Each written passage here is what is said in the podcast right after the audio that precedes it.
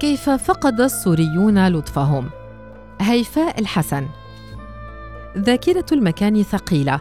نحن السوريين أفضل من يعرف عبء هذه الحمولة.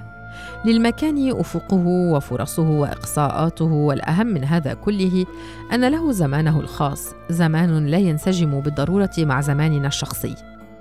المكان الخاص بي منذ خمس سنوات خارج البلاد في بلاد أخرى. سنوات تتسم بالقسوة. لم تكن القسوة في فكرة الغربة القصرية فحسب بأشكالها وتجلياتها كافة بتلك الهشاشة التي تلحقها بك والتي تعيد تشكيل هويتك.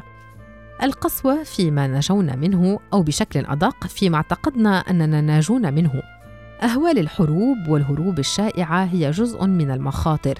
الخطر الأكبر يكمن في إحساسنا بالهزيمة وفي أننا مهزومون بالفعل. في هذه الهزائم والخسارات أتقاطع مع أبناء جيل السوريين جميعهم الذين تناثروا في العالم.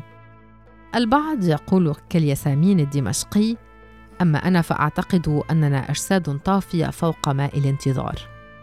الحياة مصممة على نحو خاص إذ إن الخسارة والخذلان والتعب والمرض والموت الذي قد يصيبنا أو يصيب أحبتنا هي جزء من طبيعتها وهذا أمر بديهي.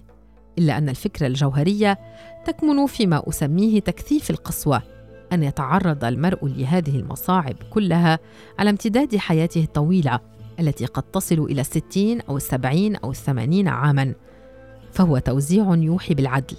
نعم إنه كذلك.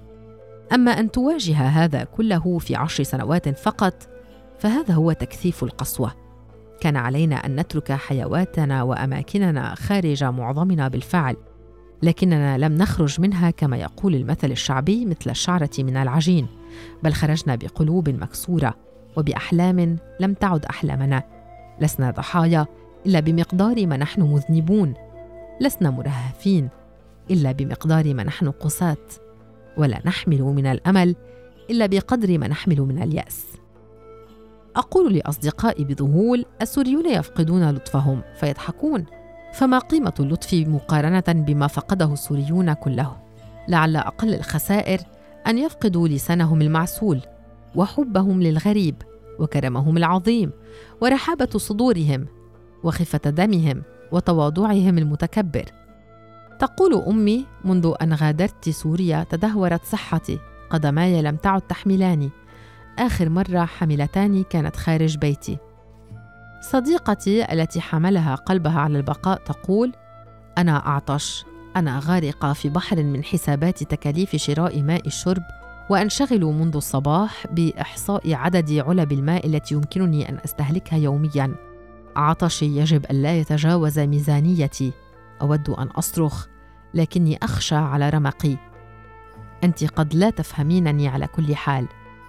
أذكر عشرين يوما قضيتها تحت سقف يدلف بماء الثلج من كل زاوية.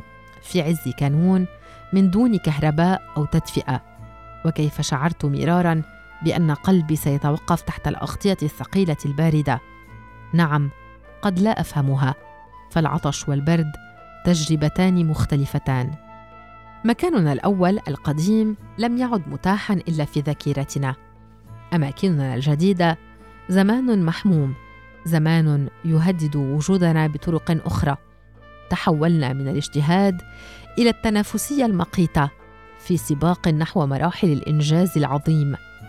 من منا سيتعلم لغة البلد التي لجأ إليها اولا؟ من سيجتاز الاختبار السياسي ويندمج اولا؟ من سيجد عملا اولا؟ من سيحصل على الجنسية الجديدة اولا؟ في سباق ليس إلا لنا.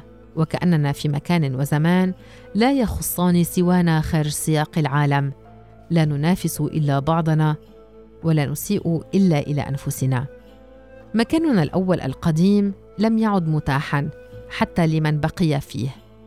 يحدثني أصحابي عن دمشق أخرى غير تلك التي نعرفها ويبحثون عن دفئها فتلسعهم بصقيعها يقولون طوبى لمن غادرها باكرا. فقد احتفظ بصورة جميلة لها في ذاكرته. طوبى لمن سعى نحو حياته.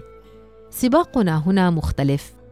إننا لا نلهث إلا وراء اللقمة والخبز والوقود والماء والكهرباء. لكم حياتكم ولنا حياتنا.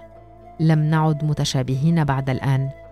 يتخلى الكثيرون من من بقوا عن تواصلهم مع من رحلوا. لا يريدون من يذكرهم بحياة كان من الممكن أن تكون حياتهم. وكان ما تهدم كله شكل جبلا من الحطام ليفصل بيننا. خارج المكان لي خسائر شخصيه أيضا والتي قد لا أتقاطع فيها مع أحد. لم أمتلك شيئا. كنت أطفو في هذا العالم ككرة بلاستيكية فارغة.